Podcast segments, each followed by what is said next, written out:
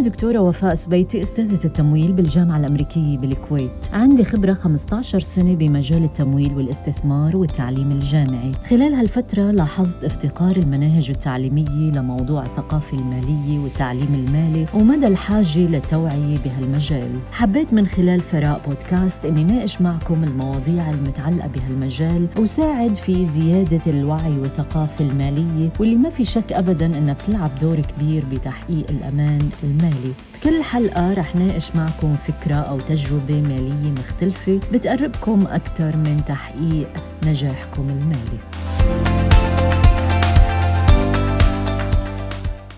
شو الفرق بين الاستثمار والمضاربة؟ تساؤل شائع ومنطقي بنفس الوقت. البعض ممكن يتصور أنه الاستثمار والمضاربة إلهم نفس المعنى لكن الحقيقة غير هيك. على الرغم من أنه اثنينهم بيمثلوا شكل من أشكال الاستثمار بالبورصة إلا أنه كل نوع له مقوماته الخاصة وعوامل بيتميز فيها عن الثاني بحلقة اليوم من ثراء بودكاست رح نتعرف على الفرق بين الاستثمار والمضاربة ونقاط الاختلاف بينهم وأي منهم ممكن يحقق ربح أسرع وحجم المخاطر والأرباح المحتملة لكل استراتيجية. أهلا وسهلا فيكم بحلقة جديدة من ثراء بودكاست. في سوء فهم كبير بين الناس عن الفرق بين الاستثمار والمضاربة. في كتير من الناس اللي بتشارك بسوق الأسهم بيعتقدوا إنهم عم يستثمروا وهن بالحقيقة الشيء اللي عم يعملوه مضاربة مش استثمار. طيب شو الفرق بين الاستثمار والمضاربة؟ ناخد مثال بسيط عن أحمد وخالد. أحمد وخالد طفلين أحمد عمره 12 سنة وخالد عمره 10 سنين. لنفترض إنك أنت أبوهم أو مدرسهم المهم أنت شخص مسؤول عن تعليمهم المالي. أعطيت كل واحد منهم ألف دولار وبحق له يتصرف فيه مثل ما بده. أحمد استخدم الألف دولار واشترى ليمون وسكر وطاولة وبعض الأكواب ليبدأ بيع عصير الليمون بالمنطقة اللي هو فيها. مشيت الأمور بشكل جيد. أحمد حقق أرباح وصار يشتري ليمون من جديد ويعمل عصير. مع نهاية فصل الصيف الألف صارت خمسة آلاف. بعدها بلش فصل الخريف وبدأ الجو يبرد. ما قال أحمد أنه ما عاد في حدا يشتري فقرر بيع المشروع. ليش؟ لأنه مستثمر. أما خالد بالمقابل أخذ الألف واشترى فيها كلها ليمون. ليش؟ على أمل أنه يبيعهم لأحمد بسعر أعلى. وطبعا ما عمل هالشي إلا بعد ما عرف وسمع إنه سعر الليمون رح يرتفع مع ارتفاع درجات الحرارة بالصيف. والناس طبعا بتشرب عصير ليمون لما يكون الجو حر. وهالقرار كان مبني على احتمالات. وطبعا إذا زبطت التوقعات رح يحقق أرباح. ولكن إذا انخفض سعر الليمون رح يخسر. هون خالد عم يلعب دور المضارب. حاول إنه يكون ذكي أكثر من السوق وهيدا الشيء اللي بيعملوه المضاربين. أما أحمد فمشي مع السوق وشارك فيه. وهيدا ببساطة الفرق بين المستثمر والمضارب. المضارب براهن على السوق أما المستثمر بيمشي مع السوق. لو رجعنا شوي لورا على مدى عشرات السنين الماضية تم استخدام مصطلح المستثمر للإشارة لكل شخص بيملك سهم. فكتير كان يطلق على المستثمر مضارب وعلى المضارب بأنه مستثمر ولكن هالشي غير صحيح. أي شخص بيشتري سهم هو واحد من اثنين إما مستثمر أو مضارب. خلال عشرينيات وثلاثينيات القرن الماضي كان في اعتقاد سائد هو أنه الاستثمار الحقيقي الوحيد بأسواق المال بيتمثل بشراء السندات وكان ينظر لعملية تداول الأسهم باعتبارها مضاربة أو إقمار وكان الأشخاص اللي بيشتروا ويبيعوا الأسهم يوصفوهم بأنهم مشغلي الأسهم يعني اللي بيشغلوا الأسهم. لكن صار في تحول بالرأي العام تجاه الموضوع سنة 1924 شو صار بهالسنة؟ نشر الاقتصادي الأمريكي لورنس سميث كتابه الشهير الأسهم المشتركة كاستثمارات طويلة الأجل واللي أشار من خلاله إلى أنه أداء محافظ الأسهم المتنوعة بيتفوق على أداء السندات على المدى الطويل من حيث العائد ونمو رأس المال بعده اجى الاقتصادي وخبير الاستثمار الشهير بنجامين جراهام وبدأ يروج لفكرة إنه الأسهم ممكن انها تمثل استثمار جيد وآمن في حال استوفت بعض الشروط والمعايير المعينة. ووضح جراهام الفرق بين المستثمر والمضارب بكتابه الشهير المستثمر الذكي. وقال إنه الفرق الأكثر واقعية بين المستثمر والمضارب ممكن نلاحظه إذا نظرنا لطريقة تعامل الكل منهم مع تحركات سوق الأسهم. الاهتمام الرئيسي للمستثمر بيكون إنه يحصل على أوراق مالية بأسعار مناسبة ومعقولة. وأضاف أنه الاستثمار هو عملية بتعتمد على تحليل دقيق ووعود بالحفاظ على رأس المال وكمان الحصول على عائد مناسب. أما العمليات اللي ما بتوفر هالشروط فهي مضاربة. وبالإضافة لهالكلام في طريقة سهلة للتمييز كمان بين الاستثمار والمضاربة. هي من خلال النظر لمستوى المخاطرة وطول الأفق الزمني. المضاربة عادة بتكون عالية المخاطرة وقصيرة الأجل.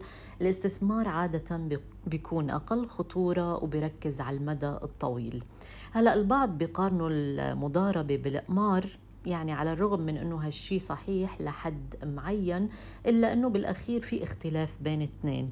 يعني كون الشخص نشط بمجال المضاربة ما بيعني إنه متهور.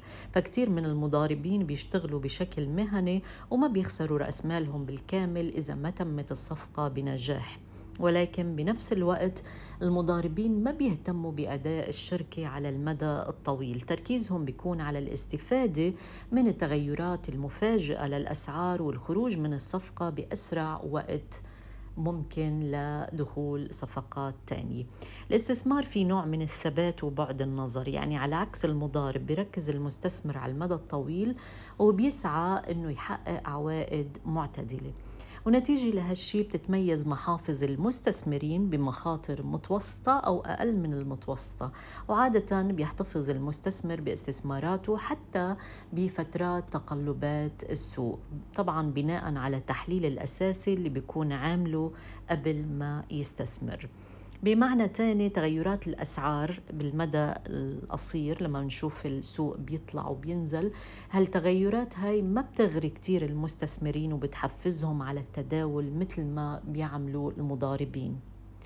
وبما أنه المستثمرين بيركزوا على الاستفادة آه، طويلة الأجل فانخفاض الأسعار ممكن يحفزهم أنه يستغلوا الفرص لشراء أسهم بيعتقدوا أنه قيمتها الحالية أقل من قيمتها الحقيقية طبعا بناء على تحليلهم.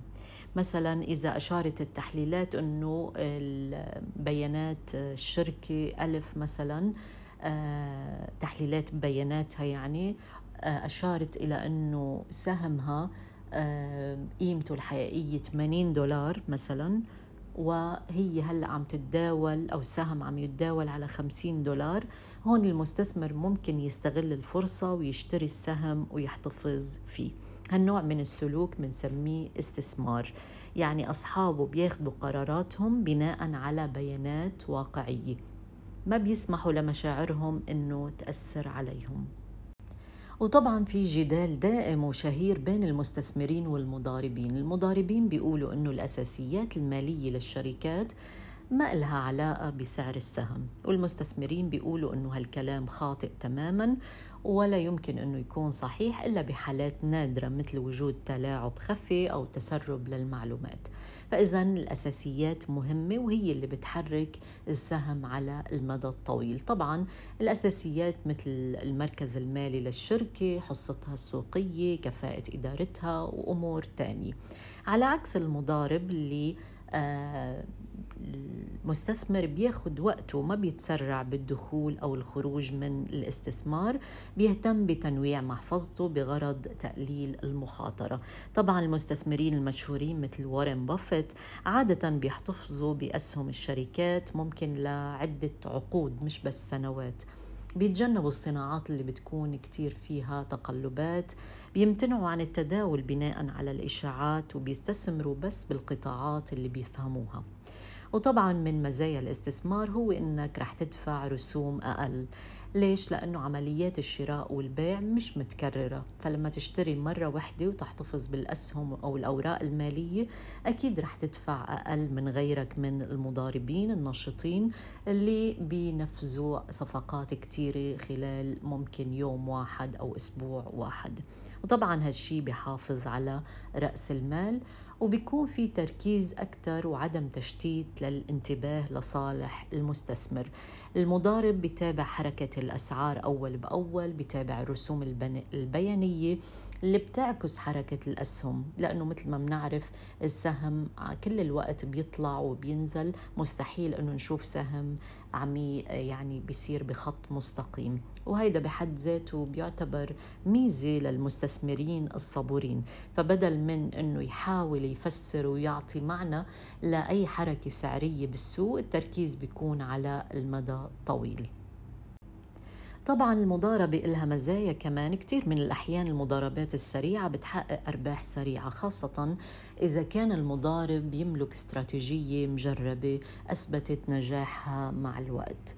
واللي لازم نعرفه كمان إنه أي معاملة بالبورصة أو أي مجال استثماري بشكل عام بيحمل نسبة من المخاطرة. ما بنقدر نتجاهل هالحقيقة أو نتغاضى عنها. لازم تنتبه لما تبدأ تجربتك سواء عبر المضاربة أو باتباع استراتيجيات طويلة المدى.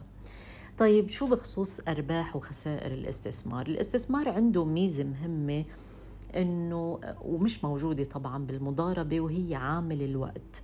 استراتيجية الاستثمار طويلة المدى بتاخد فترات زمنية أطول وطبعا هالشي بيضاعف من فرص تحقيق أرباح وبنفس الوقت من فرص تعويض الخسائر لأنه ممكن السوق يتراجع فترة آه، لكن بيرجع بيرتفع مرة تانية. فهالاستراتيجية مناسبة للأشخاص اللي بدهم يحققوا أرباح على المدى الطويل. على حسب تاريخ السوق ممكن العوائد بسوق الأسهم تتجاوز العشرة بالمية. لكن آه، بالنهاية مثل ما قلنا بيتوقف الموضوع على قدرة المستثمر على الاحتفاظ بالأصول أو الأسهم لفترات طويلة.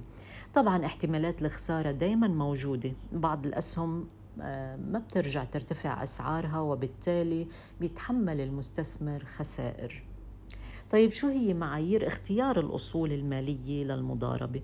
طبعا عامل الزمن بف... بي... يعني بيمثل فرق كبير إذا اخترت المضاربة بالأسهم أو تداول أي أصل مالي تاني من خلال استراتيجية قصيرة المدى أو الاستثمار اليومي هون بينصح الخبراء ب اختيار الأصول المالية بناء على معدلات تغيرها ليش؟ لأنه آلية الربح بالمضاربة أساسا قائمة على التغيير الدائم والمستمر بأسعار الأسهم أو أي أصل تاني وبناء على هالشي إذا كان آه، مضارب رح تستهدف إذا كنت مضارب رح تستهدف أصول بتتغير قيمتها بمعدلات أسرع بشكل بمكنك من أنك تفتح وتسكر صفقات خلال فترة بسيطة مع تحقيق العائد طبعا ما بنقدر نقول إنه في تضارب تام بين الاستثمار والمضاربة.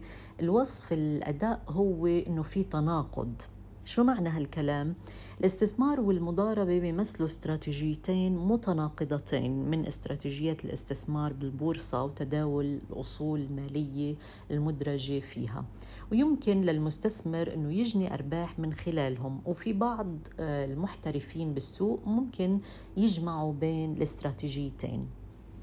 هلا أيهم بحقق الربح أسرع المضاربة أو الاستثمار؟ بالتأكيد الإجابة المضاربة. المضاربة بتحقق ربح أسرع من الاستثمار طويل الأجل ولكن تحقيق الربح السريع بيرتبط بمخاطر عالية.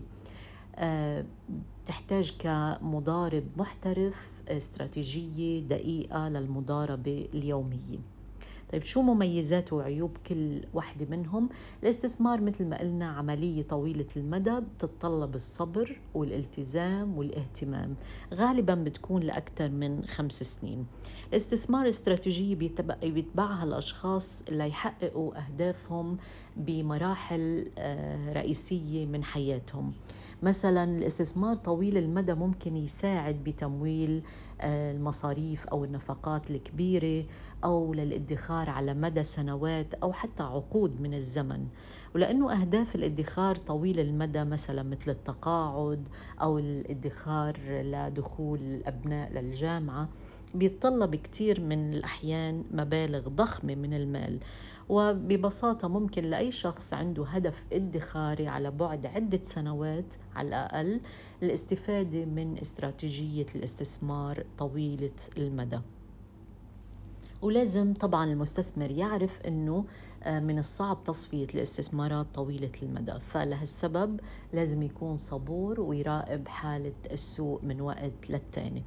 والميزة الثانية للاستثمارات طويلة المدى هي أنها بتدفع ضرائب أقل فبتم فرض ضرائب على أرباح رأس المال طويلة المدى بنسب ممكن تتراوح من صفر ل 20% لكن عيب الاستثمار طويل المدى إنه مع انخفاض المخاطر بشكل عام بيكون العائد أقل والأسوأ إذا صار في تضخم ممكن تنخفض أرباحك وتكون فرص تحقيق مكاسب كبيرة أقل.